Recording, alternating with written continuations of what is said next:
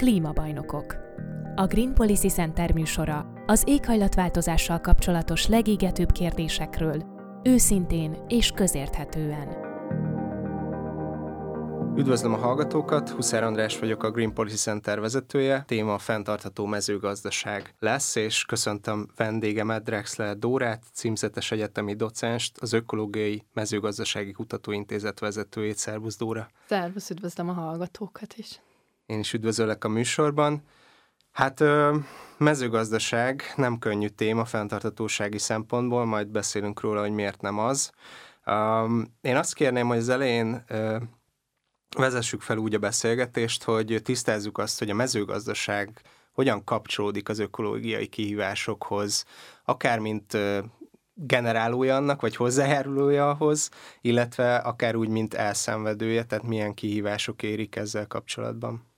Igen, hát most ugye vázoltad is rögtön a két oldalát a történetnek, tehát egyrészt jelentősen hozzájárul a klímagáz kibocsátásokhoz a mezőgazdaság, de nem csak ahhoz a, akár a természetes élőhelyek megszűnéséhez is, ha gondolunk ugye az esőerdők felszámolására, akár termesztési okokból, vagy például arra, hogy hogy nem csak maga a termelés, hanem a szállítása is a mezőgazdasági terményeknek is tulajdonképpen ugye az értéklánc része, és ez is egy hatalmas hát teher környezeten. És hát visszafelé ugyanígy leginkább a klímaváltozás okán elszenvedője ugye az agráriuma, a fejleményeknek, hiszen ha csak hazánkra gondolunk, akkor is a 2022-es év talán mindenkinek a szemét felnyitotta -e tekintetben, az az asszály, az a hőstressz, és azok a, a terménypusztulások minden eddiginél radikálisabban megmutatták ezt a változást, tehát sokáig beszéltünk ugye arról, hogy a majd jön a klímaváltozás, és hogy majd rossz lesz, de ez, ez itt van, tehát ezt érezzük nap mint nap.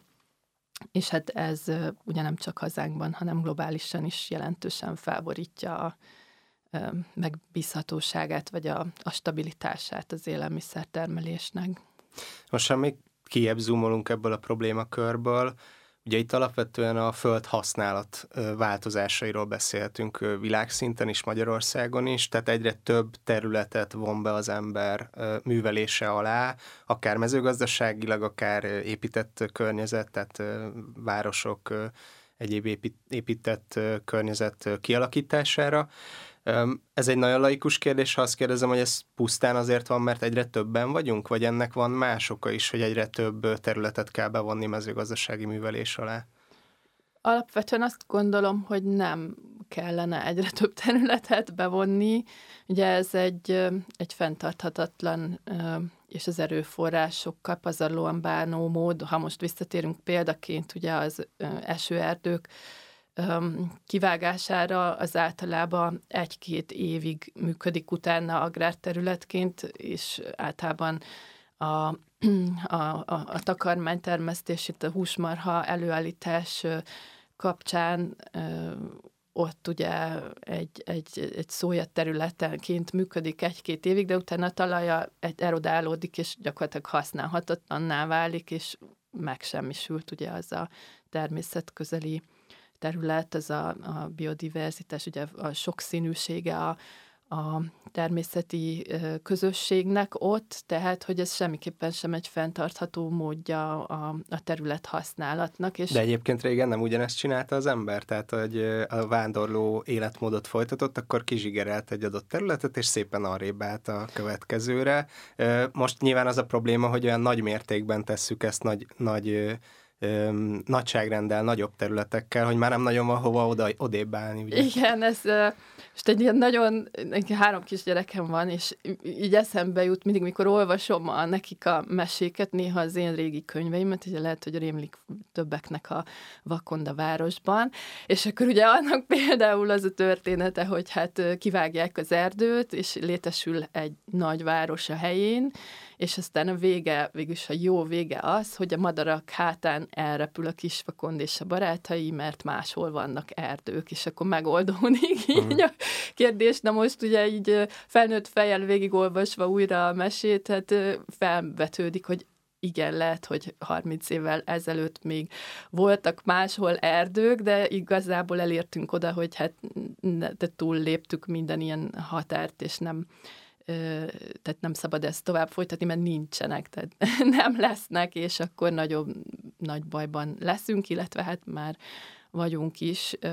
Utaltál rá, hogy nem feltétlenül kéne egyre több területet bevonni ugye mezőgazdasági művelés alá. Szerintem érdemes itt helyre tenni fogalmakat, illetve típusait a mezőgazdálkodásnak, hogy akkor végül is milyen formái léteznek ennek világszerte, és ezeknek mik a jellemzői, tehát hogy melyik az, amelyik intenzívebben használja a talajt, melyik kevésbé, mm. melyik fenntartható, melyik nem.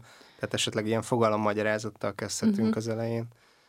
Jó, bár hozzáteszem, hogy mint minden általánosítás, itt is nagyon leegyszerűsítjük ugye a valóságot, a ilyen kategóriákba soroljuk, de... Hát Az nem baj, könnyebb megérteni a laikusok számára. I- igen, de beszélhetünk ugye úgynevezett iparszerű mezőgazdaságról, és ez szinte független attól, hogy most családi gazdaságról van szó, vagy egy cég tulajdonolja a gazdaságot, és szinte attól is, bár persze van, lehet megtalálni összefüggés, de hogy mekkora ez az üzem, attól is el, eltekinthetünk. Tehát az, hogy iparszerű mondjuk valami, az ugye állattartásban talán a legszemléletesebb, hogy be vannak zárva az állatok mondjuk ketrecekbe, tojótyúkok esetén nem érintkeznek semmilyen külső, akár a napfény nem ér el hozzájuk, vagy nem kapirgálnak nyilván, hanem ott a lehető legintenzívebb körülmények között mesterséges lég áramlással és táplálással, takar nagyon intenzív és ugye szója alapú alapvetően takarmányozással a termelés maximalizálására megy ki. De gyakorlatilag ilyen tárgyszerűsítve vannak az élőlények. Hát abszolút ilyen gép sor jelleggel el lehet képzelni, és akkor mindent beleértve az, hogy hogy a természetes viselkedésükben is korlátozva vannak, például le van csippentve a csőrük, hogy ne bántsák egymást, és, és a többi, tehát ezek a csonkítások is benne vannak a gépezetben, hogy, hogy levágják kismalac farkát, hogy akkor ne azt rágja meg a másik, mert túl sűrű vannak, stb. Tehát ugye ez egy kicsit ilyen brutális világ, amiről sokan nem is tudnak, ugye, mert hát nem jut el, vagy nincsenek benne, akik meg benne vannak, azoknak meg valahogy ez, ez a hatékonyság meg természetessé vált egy kicsit, és akkor, ha jól értem, azt mondod, hogy ez akár kisméretekben is elképzelhető, tehát nem minden kis családi gazdaság fenntartható ilyen szempontból. Hát vagy... azért állattartásban nyilván más a helyzet, de ha, a, ha például most veszek egy hajtatást, egy kertészeti hajtatást, ott akár kisméretben is előfordulhat az, hogy ugyanúgy teljesen műtrágya alapú csöpögtető rendszerrel, téli, télen gázalapú fűtéssel, most már ugye egyre kevésbé az árak miatt, de hogy, hogy teljesen intenzív módon csinálja valaki egy fólia sátorban is mondjuk a paprika hajtatást, és használ hozzá kőzetgyapot, termesztő közeget a föld talaj helyett, és ez, tehát ez kisméretben is abszolút megvalósul, igen. Tehát nem feltétlen attól függ, hogy családi kicsi vagy nagy, ez megint egy másik kategorizálási uh-huh. mód, és akkor ugye az intenzív mellett vannak, ha most így ezt vesszük sorba, akkor itt is van egy skála, ami egyre inkább az extenzív, tehát kevésbé az inputanyagra alapuló verziókat, technológiákat tartalmazza, és hát ugye az ökológiai gazdálkodás egyébként, ha arra rátérünk, akkor ott is azt lehet mondani, hogy abban is van egyébként olyan, ami teljesen extenzív, és van olyan, ami, ami egy intenzívebb művelés jelent, viszont... Mi... Extenzív, intenzív, ezt helyre teszed röviden? Igen, tehát hogy az intenzív, ez az iparszerű, amiről uh-huh. próbáltam beszélni, ez, ez nincsen benne az ökoban, viszont a, az, hogy tehát ugye egy, mondjuk egy gyümölcsöst, ha elképzelünk, akkor van az őshonos tájfajta gyümölcsösökből lehet egy ilyen ligetszerű um, szorványgyümölcsöst elképzelni, az a tök extenzív, mert azzal kb. nem csinálunk semmit, nem kell permetezni, metszeni, és alig az úgy magától ad termést bizonyos mennyiségben és minőségben, és akkor el tudunk képzelni például egy, egy ugye törpe alanyra oltott, sorokba rendezett, jéghálóval védett, intenzív gyümölcsöst. Ugye ez a két véglet mondjuk, tehát ökológiai gazdálkodásban is megvan gyümölcsös esetén ez a két típus és a köztelévő átmenet is, de mindig az iparszerűt, tehát hogy azt, ami például a gyümölcsös esetén abszolút műtrágyára, gyomírtózásra, kémiai növényvédelemre épül, azt az öko kizárja. Tehát ugyanígy állattartásban is az iparszerűt, ami az állatok bezárásával, csonkításával, természetes viselkedésmódjuk ellehetetlenítésével jár, ezt kizárja. Tehát ugye egyfajta fenntarthatóságra törekvő rendszer. Akkor nézzük ezek magatti motivációkat, mert szerintem ez a legizgalmasabb kérdés. Valószínűleg senki nem direkt akar rosszat tenni, vagy legalábbis induljunk ki ebből a feltételezésből. Tehát alapvetően mi az oka, hogy ennyire mesterséges és iparszerű vált, mert úgy, úgy az a feltételezésem, hogy a nagyobb része az sajnos így működik ma már a mezőgazdaságnak, tehát az iparszerű irányba indultunk el. Tehát, hogy mi ennek az alapvető oka, a hatékonyság, a, Ugye, amit a legtöbb kritika vagy felvetés éri a biogazdálkodást, ökogazdálkodást, ugye ez nem hoz annyi termést, és akkor jaj, mi lesz velünk, nem lesz mm.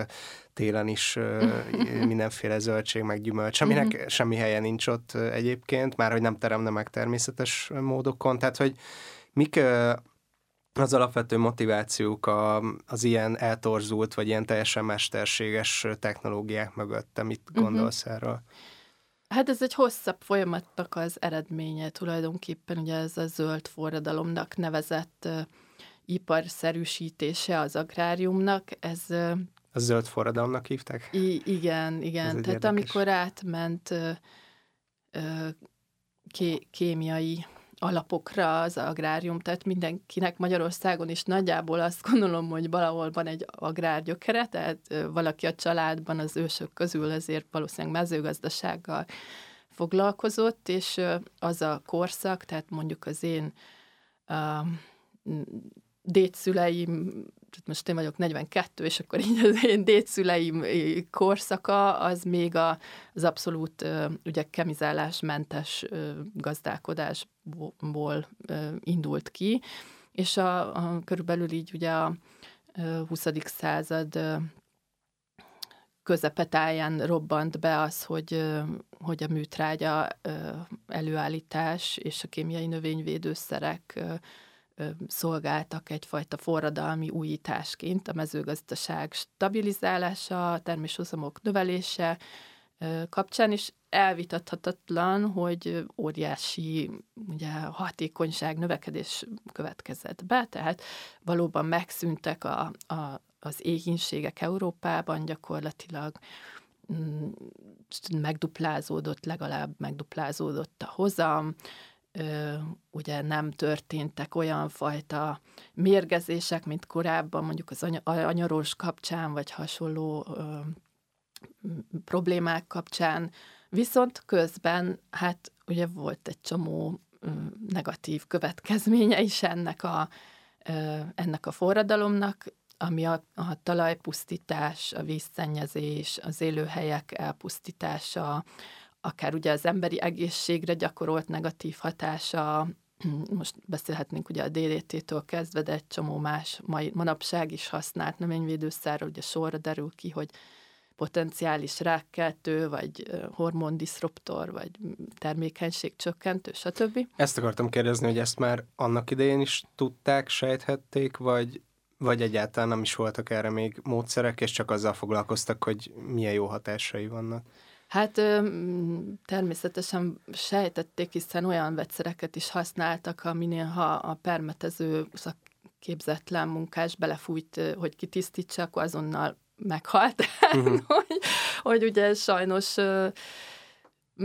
sajnos tudni lehetett, hogy uh-huh. ezek mérgek. Uh-huh. Ugye en, ezeknek a azóta az is sokat fejlődött, hogy a humán negatív hatását csökkentsék ezeknek a vegyszereknek, de hát ettől függetlenül még az elmúlt években is derültek ki ilyen villámcsapásszerű dolgok, hogy, hogy ha két szintetikus növényvédőszert, amit együtt ki lehet juttatni, kijuttatnak, akkor például még pusztító hatása meg százszorozódik, és hát erre nem gondolt senki. Tehát ugye egy csomó ilyen kockázat rejlik a, a, a rendszerben, és ugyanígy elmondható az is, hogy a szermaradványok, amik akár az egészségügyi határérték alatt benne maradnak a, az általunk elfogyasztott élelmiszerben, lehet, hogy azt valaki vizsgálja, ugye, hogy önmagában az hosszú távon nem káros, de azt már senki nem vizsgálja, hogyha háromféle van abban a zöldségben, akkor az mondjuk húsz év múlva mit fog okozni, és ilyen téren eléggé a józan paraszti észre érdemes hallgatni, azt hiszem, hogy talán jobb, ha nem esszük meg, mint ha megesszük.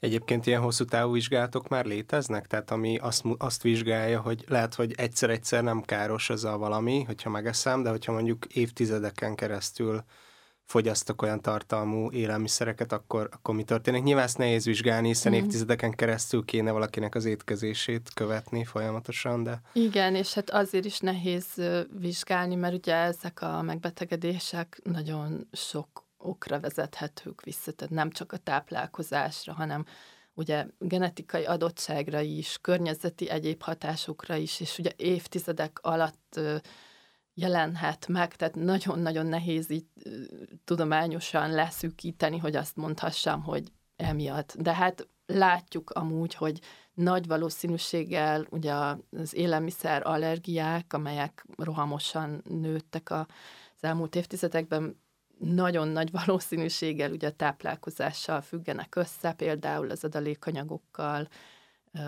Ezt nagyon jó, hogy felveted, mert én ma már nem tudok olyan társaságba kerülni szinte, ahol ha erről beszélgetünk, ne derülne ki, hogy tulajdonképpen valamilyen problémája mindenkinek van. Én magam is hisztamin intoleranciás vagyok, ami az egyik legnehezebben kezelhető mm. valami, mert olyan kereszthatások vannak, amire te is utaltál, hogy adott esetben ugyanaz az élelmiszer egyszer nem jó nekem, máskor igen, attól függ, mivel eszem, mivel kombinálom, de hát ismerjük ugye a gluténérzékenység, cukorral kapcsolatos problémák, tehát hogy rengeteg ilyen, ilyen probléma van, és igen, és azt gondolom, hogy ezek valamilyen szinten mind visszavezethetők erre a folyamatra. Most az jutott eszembe igazából, hogy már ilyen borúsan értékeltük itt a helyzetet, hogy egyáltalán elképzelhető az, hogy ez a helyzet jobbra fordul olyan értelemben, hogy gondolom ezek teljesen sajnos már soha, kvázi soha nem elhagyható szerek, hiszen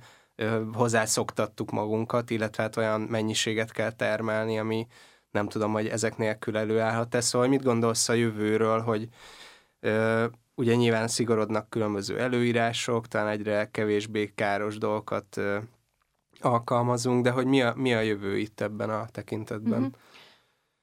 Én egyébként pozitívan látom általában a dolgokat, és a jövőt is, és főleg itt a, az Európai Uniónak a célkitűzései ugyan nagyon nagy vitákat generálnak agráriumon belül is, de de jelentősen hozzájárulhatnak ahhoz, hogy ezen változtassunk. Mert a helyzet egyébként az, hogy, hogy nem szükséges ennyi vegyszer. Tehát, hogy simán, amit célkitűzésként megfogalmazott most az Európai Bizottság, hogy 50%-kal csökkentsük a peszticid felhasználást, az az ilyen, hú, hogy kivált egy óriási ilyen ellenreakciót, de ugyanakkor...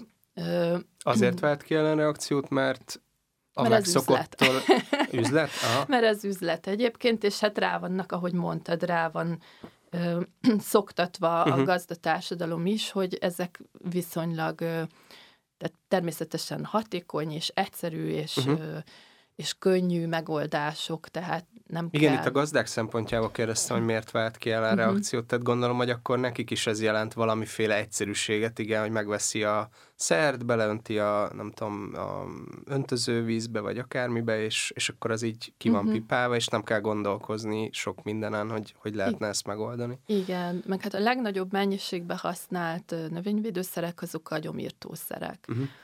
És most ha abba gondolunk bele például, hogy hogy mi az egyszerűbb, ugye legyártani egy totális gyomírtószert, vagy, vagy, vagy akár a többi közül bármelyiket, és ezt kiutatni, hogy megint egy kicsit ilyen elborzasztó példát mondjak, ugye van ez a fogalom az agrárium, vagy deszikkálás, ez azt jelenti, hogy le, leszárítása a növénynek, és ugye ezt is, aki nincs benne, az nem annyira ismeri, meg régen ilyenről szó sem volt, hogy ugye például a napraforgót, vagy akár a repcét, azt úgy takarítják be, hogy előtte totális gyomírtószerrel deszikálják, leszárítják.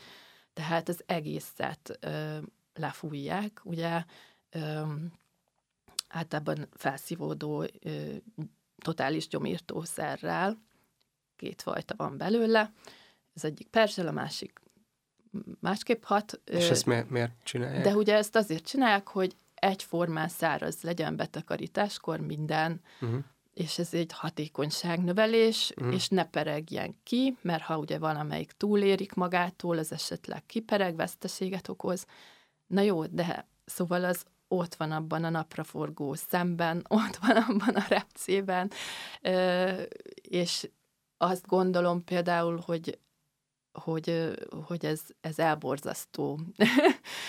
és, és hogy lehet, hogy ez így egyszerűbb, meg, meg több lesz a termény a végén, de hogy nincs rá szükség, amúgy az, az, az biztos. Tehát, hogy ezt meg, meg lehet abszolút oldani akkor már a nemesítési irányból olyan fajtákkal, amelyek nem peregnek ki, vagy amelyek egyszerre érnek be, és be lehet vállalni azt a kockázatot, hogy na jött egy eső, akkor most várok egy kicsit, nem száradt lett.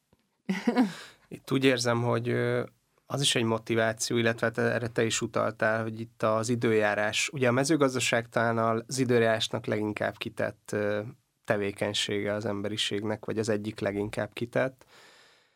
És hát nyilván ezt a kockázatot is próbálják ugye ezekkel a technikákkal minimalizálni. Viszont ezzel igencsak ellentétes folyamat, hogy az éghajlatváltozása miatt egyre nagyobb kihívás a szélsőséges időjárási helyzetek. Tehát, hogy erről mit gondolsz? Itt akár bele vehetjük a nagy-nagy témakört, ugye a GMO-t, tehát mm, a génmódosítást. Ugye sokan azt állítják, hogy nem nagyon tudjuk ezt majd elkerülni, hiszen annyira megváltoznak éghajlati körülmények egy adott területen, tehát mondjuk Magyarországon, ugye az a, az a mondás, vagy az várható, hogy ilyen mediterránabb jellegű éghajlat lesz, nagyobb száraz időszakokkal, a csapadék eloszlás is, tehát nem a csapadék mennyisége változik meg alapvetően, hanem az eloszlása, kevésszer lesz, de akkor nagyon sok, ugye egyik sem jó, hiszen sem a száraz időszak mm. nem jó sokáig, sem az nem jó, ha egyszerre nagyon sok leesik, ugye utaltál itt jég eső elleni védelemre, amit szintén egyre többen alkalmaznak. Tehát, hogy mi a jövő ebből a szempontból a szélsőségekre, hogyan lehet mondjuk ilyen vegyszermentesen, vagy, vagy lehetséges-e ezekre valahogy felkészülni természetes eljárásokkal? Van egy nagyon jó mondás, mégpedig az, hogy a, a, az új hatékonyság az a rugalmas ellenálló képesség, ez ugye a reziliencia idegen szóval. Tehát amit itt beszéltünk, hogy intenzív technológiák, hogy leegyszerűsítik, hogy még több termés legyen, hogy nem érdekes, hogy közben a környezetünkkel mit csinálunk, azok egyébként sok tekintetben rugalmatlanok. Tehát ha bármi közbe jön, most ez lehet akár a klímaváltozás hatására, példának okáért 22-ben ugye a, műtrágyák hiava ott állt a talajon, nem hasznosult semmilyen formában, hiszen a, a szájban a tápanyagot úgy nem, nem e, tudták fölvenni a növények, tehát ilyen formán védtelen például a műtrágyázás, mint technológia az ilyen jellegű alszályokkal szemben. De mondhatnám azt is, hogy hogy sokszor az intenzív termesztésre nevesített fajták is ugyanolyan védtelenek, hiszen genetikailag egysíkúak is, és, és mindenben ki kell szolgálni őket tápanyagba, vízbe, optimális körülményeket teremteni, károsítókat eltüntetni, hogy ők hozzák azt a plusz teljesítményt. Tehát ez a fajta gondolkodása a mezőgazdaságnak mindenképpen változni fog, és egyébként ez még talán a jó irányba is, ugye, hogy a, az ellenálló képesség az új hatékonyság. És ehhez viszont, hogy ellenálló képesebb legyen az extremitásokkal szemben a, a mezőgazdaság, ehhez új szemlélet szükséges. Na, itt van az, hogy ezt sok, sokan ki szeretnék használni, hogy na mi az az új megoldás, amivel akkor mindent helyre teszünk, és akkor például ilyenkor szoktam magam felhúzni ezen, hogy majd a génszerkesztett növényekkel egyből mindent meg fogunk oldani, nem, nem, nem, ez egy, ez egy ígéret, egy beváltatlan ígéret, ami, ami például szintiszta biznisz alapon működik. Mi a legnagyobb veszélye a GMO-nak, tehát hogyan tudnád ezt összefoglalni? A technológiai részbe is belemehetünk, hogy miért állítják azt, hogy ez az új génszerkesztés, ugye ezek az NGT-nek nevezett New Genomic Techniques, ez ugye a CRISPR-Cas lehetett ilyen varázsszavakat használni, hogy ezek már mások, mint a régi GMO, mert nem génpisztolya lövik be a baktériumból átvett nem tudom, szekvenciát, és véletlenszerűen épül be a cél növénybe, hanem ezek már pontosabbak, meg amúgy természetben is előfordulhat ilyen mutáció, stb. De uh, egyrészt nem olyan pontosak még így se, nagyon sok uh, kiszámíthatatlan változást okoznak a, a genomban. Másrészt, ha, ha most teljesen elvonatkoztatunk a, a magától a technológiától, egybe jár, együtt jár azzal, hogy, hogy szabadalmaztatni innentől, ha ezeket legalizálják és bevezetik a, tehát ki, úgy mondom, kiveszik a GMO-s szabályozás alól, mert most erről megy egyébként a, a vita, hogy, hogy hát ezek legyenek a GMO-nak tekintve, vagy nem. Ha nem lesznek GMO-nak tekintve, kiveszik őket a szabályozás alól, akkor ö, például megváltozik az is, hogy mit lehet szabadalmaztatni. Tehát eddig például fajtákat lehetett szabadalmaztatni, és akkor az ugye egy jogvédett szellemi tulajdon, ö, az új géntechnológiával, mint a génszerkesztéssel ö, tulajdonságokat is lehet szabadalmaztatni. Tehát ez azt jelenti, hogy szerkesztettem egy szárazságtűrést fokozó szekvenciát, és azt levédetem. És onnantól kezdve tök mindegy, hogy a másik ö, nemesítő mondjuk természetes úton jutott el oda, hogy az ő növényébe ez megjelenik, ez akkor is le van védve, és fizetnie kell, ha használni akarja. Tehát én ebbe egyébként nem feltétlen csak a, azt a veszélyt látom, hogy, hogy etikailag is megkérdőjelezhető, hogy milyen jogon nyúlok én belemesterségesen a, e, ilyen formán a, a genomba, a, az örökítőanyagba, hanem a üzletileg is morálisan megkérdőjelezhető, hogy milyen jogon szorítom ki az összes többi nemesítőt, aki esetleg más innovációs utakat akar választani, és nem a génszerkesztést, miért lehetetlenítem el ezzel? Tehát ez ugyanolyan nagy kérdés, mint az a veszély, hogy hogy ha például úgynevezett géncsendesítéssel megint egy állatos példát mondok, mert szerintem az embereknek azért jobban megüti az inger küszöbét, tehát génszerkesztéssel el tudom csendesíteni a sertésekben azt a tulajdonságot, hogy, hogy az izom növekedésük ne korlátlan legyen. Tehát van a kismalacban, meg a sertésekben egy olyan tulajdonság, hogy eszik, eszik, nő, nő, de nem puff a végtelenségig, hanem ennek van egy reguláció, egy szabályozása. Na ezt a géncsendesítéssel, úgynevezett géncsendesítéssel ki tudom iktatni. Tehát megszűnik ez a korlát, és ennél fogva marha hatékony, négy hét alatt pff, ekkorára lehet egy, egy malacot nevelni, és úgy néz ki, mint egy szörnyetek. Tehát, mm. hogy, uh, és ezt már használják? Ö, hát ez létezik, most, hogy engedélye van-e használatra, azt nem, nem tudom, szerintem nincsen még, de ugye azzal lehet érvelni, hogy hát ez a természetben is előfordul, hiszen például van a húsmarhák közül a belga kék nevű, amelyet hát évszázadokon keresztül nemesítettek, és véletlenszerűen jött ez létre, hogy ott kikapcsolódott ez a funkció, és hát ha rákeres valaki, hogy belga kék, akkor durva ilyen izom mal teli nem pacsírta, hanem húsmarha az, amit, amit lát. És egyébként szaporítás szempontjából meg rendkívül rossz arányokkal lehet szaporítani, hiszen ez a testalkat, ez egyszerűen természetellenes, még akkor is, ha ugye a nem, természetes nemesítéssel is létre lehet hozni.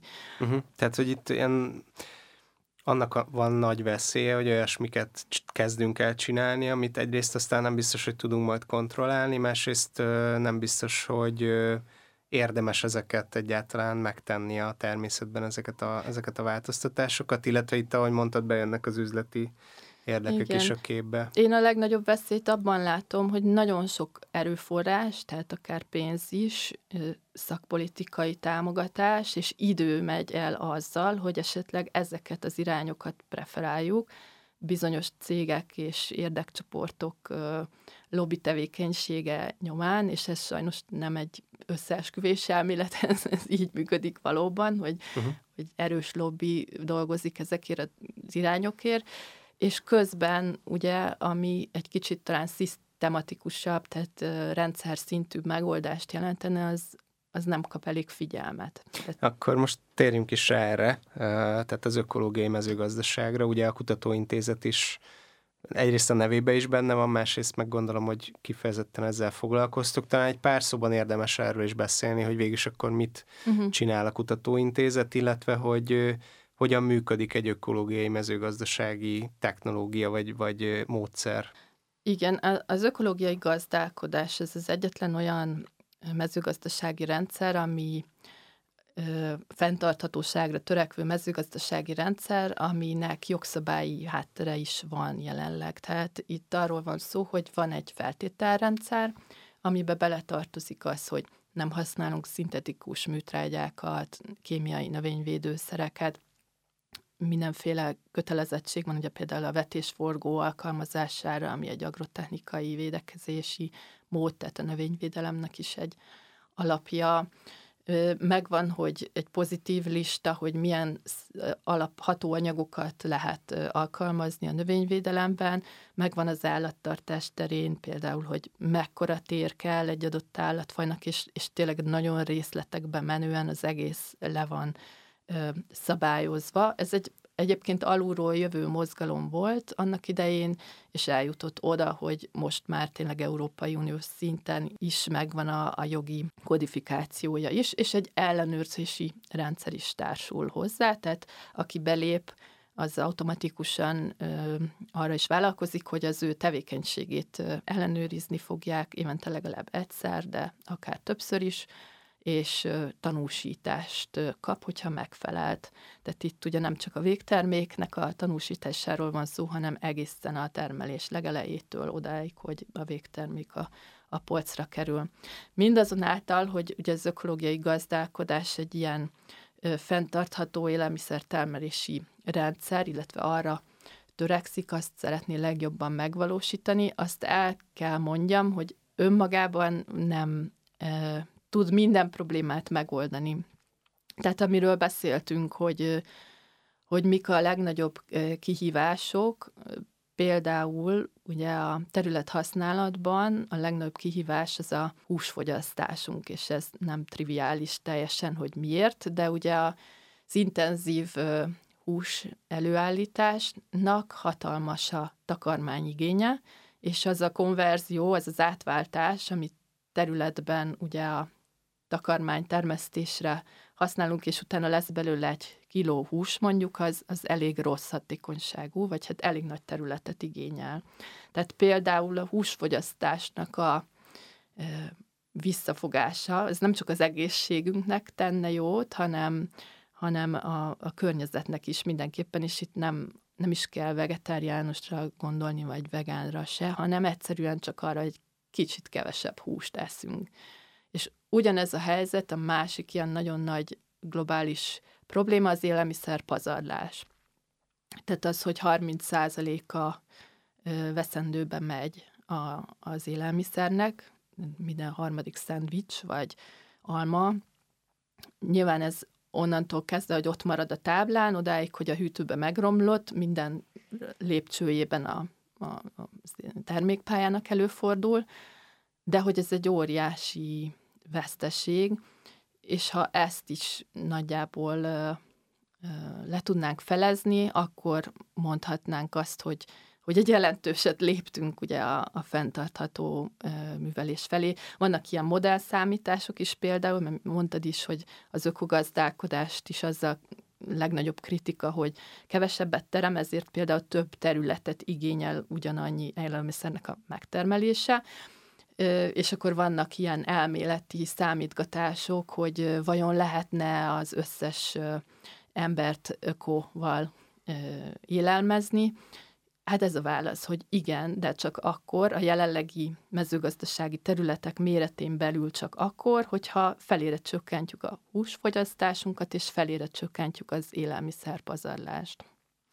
Hát ez azért meglepő számomra, mert ez nem a vállalás lenne szerintem az emberek részéről, hogy ezt ne lehetne megvalósítani, és pont ezt akartam tőled kérdezni, hogy lehetséges-e, de akkor ezek szerint lehetséges, csak megint abba a problémába jutunk, vagy abba a helyzetbe jutunk, amiben sok esetben akár az energiatermelés kapcsán, akár a közlekedés kapcsán, hogy lehetne ezt jobban csinálni, sőt, fenntarthatóan csinálni, de nem ezen a szinten, amin, amire most eljutottunk, tehát mindenképpen a magunk igényeit kellene egy kicsit menedzselni, illetve az életmódot. Erről lesz szó egyébként egy másik beszélgetésben, ugye itt a, az egyéni fenntartatósági praktikákról. Még azt akartam kérdezni, hogy most mi a helyzet Magyarországon, tehát mondjuk ha száz egységnek veszem az összes mezőgazdasági területet, akkor hány százalékon valósul meg ilyen ökológiai mezőgazdaság, és ez mennyire versenyképes a jelenlegi helyzetben, tehát mennyire tudnak ebből megélni, és prosperálni azok a vállalkozók, vagy akik, akik ezt csinálják? Itthon olyan 300 ezer hektár körül járunk ökoterületbe, ez 6 a fölött van valamivel a, az uh-huh. összes mezőgazdasági területnek, és a célkitűzés, mert hogy van szerencsére ilyen is, az, hogy 2027-ig a 10 ot érjük el arányban Ugye jelentős, ha úgy vesszük, torzító tényező, másik oldalról pedig igen motiváló, hogy az agráriumban támogatások vannak terület alapon, tehát a, az ökogazdálkodásra is lehet ilyen támogatást igényelni, és ez az elmúlt években 74%-kal mm, nőtt, tehát hogy egy nagyon vonzó vált átállásra mert hogy van ilyen, hogy átállási idő, amikor még nem lehet ökoként eladni a terményt. Ez mennyi idő magasabb. egyébként? Szánton két év, gyümölcsösben három. Aha, tehát nem annyira sok idő ez egyébként. Hát viszonylag gyorsan viszony, megvalósítható. Viszonylag, igen, de hát ez az időszak nyilván egy kicsit a szűk keresztmetszet is, hiszen ilyenkor még nem tudja realizálni a termelő azt, hogy ő egy kicsit magasabb árat kér ugye a minősített terményért, viszont még a technológiát se sajátította el feltétlenül olyan szinten, hogy, hogy nagyon sikeres legyen, tehát vannak ilyen gyerekcipőben járó ugye buktatók is, amit hát ki kell küszöbölni, és e, ennek is, ez is az oka annak, hogy a támogatás erre az átállási időre magasabb. És akkor van a fenntartási támogatás is. Hát a negatív oldala ennek a támogatásnak az, hogy hogy természetesen vonzó olyanoknak is, akiket nem feltétlenül az érdekel, hogy most tényleg fenntartható élelmiszert állítson elő, hanem inkább a profit maximalizálás, és akkor jönnek ezek, hogy, hogy gyep terület, de ökoállat nélkül, vagy, vagy parlag, vagy, vagy lucernás, és akkor ugye ez egy kicsit így a morális töltetét a dolognak tudja csökkenteni, vagy hát nem is kicsit. Tehát itt például mi is dolgozunk azon, hogy hogy a következő ö, támogatási kírás, ami 2025-ben lesz, az lehetőleg különböztesse meg már a, mm, most ha úgy mondom, akkor a bihon belül is azt, aki valódi ö, élelmiszertermelést végez. Nem tudom, hogy ezzel foglalkoztok de a gazdák körében mi a hozzáállása ez az egészhez? Ez lenne az egyik kérdésem. Tehát mennyire hajlandóak mondjuk átállni ilyen uh-huh. gazdálkodásra, és a másik a fogyasztói rész, hogy mennyire növekszik talán a, a fogyasztói kereslet az ilyen típusú termékekre, mert hogy ha jól értem, akkor ez aztán a fogyasztó szintjén is meg kell, hogy jelenjen, hogy ez, ez az adott termék mondjuk ilyen gazdálkodásból származik, hiszen ez lenne hozzáadott érték. Igen, igen, és ugye meg is jelenik az öko védjegy, ezt érdemes talán elmondanunk, hogy egy zöld alapon fehér csillagokból kirakott levél alak, ez az EU öko védjegye, és akkor ez csomagolt termékeknél ez garantálja azt, hogy ténylegesen egy ellenőrzött és tanúsított bio élelmiszer van a, a kezünkben. Hát ez egy érdekes folyamat. Tíz éve, vagy tizenkét éve, mikor elkezdtünk dolgozni az ömkivel, akkor messze menőkig ez a szkepticizmus volt az általános a fogyasztók nagy része körében is, meg, meg a szokványos művelést folytató gazdálkodók körében is, hogy á, ez csak kamum, éjjel permeteznek, kukacos alma, tehát ezek a sztereotípiák, mm. hogy na, hát csak lehúzzák a vásárlót, stb. És, és hát ez egy ilyen fejlődési út, amin haladunk, és, és ezen is dolgozunk, ugye, hogy a, a hitelessége, és azok a valóban elhivatott gazdálkodók, akik tényleg mindent megtesznek azért, hogy fenntarthatóan termeljenek valóban a biofeltételrendszernek megfelelő élelmiszert, azok elnyerjék a méltó elismerésüket, és ne, ne ezzel kelljen szembesülniük nap mint nap. Én egyébként azt látom, hogy a nyitottság az, az egyre nagyobb. A fogyasztói oldalról mindenképpen, tehát ha úgy vesszük, akkor a COVID időszak is még ebben pozitív változást hozott a tudatosságban kicsit. A gazdák oldaláról pedig, pedig a, a, a klímaváltozásnak a, ha lehet így mondani, pozitív hozadéka az, hogy egyszerűen muszáj, hogy nyissanak új utak felé, és ha hozzávesszük azt is, hogy ugye energiaválság, áremelkedések, akkor mindenkinek, mindenkinek evidens, hogy valahogy az input anyagoktól függetleníteni kéne magunkat, és erre hát vannak jó megoldások, nem az a megoldás, hogy na, akkor nem juttatok ki műtrágyát idén, hanem, hanem akkor egy kicsit ugye átgondoltabban rendszer szinten lehet változtatni, hogy, hogy hogy tudnék átállni egy szerves tápanyag utánpótlásra.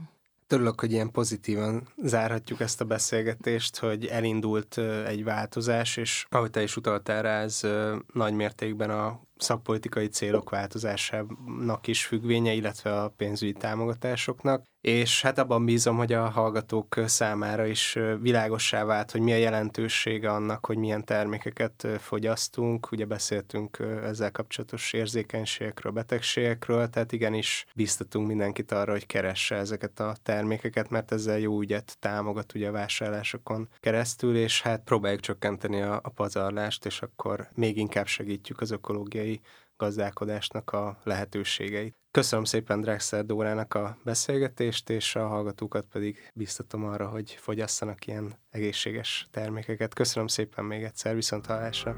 Köszönöm én is. Klímabajnokok. A Green Policy Center műsora az éghajlatváltozással kapcsolatos legégetőbb kérdésekről, őszintén és közérthetően.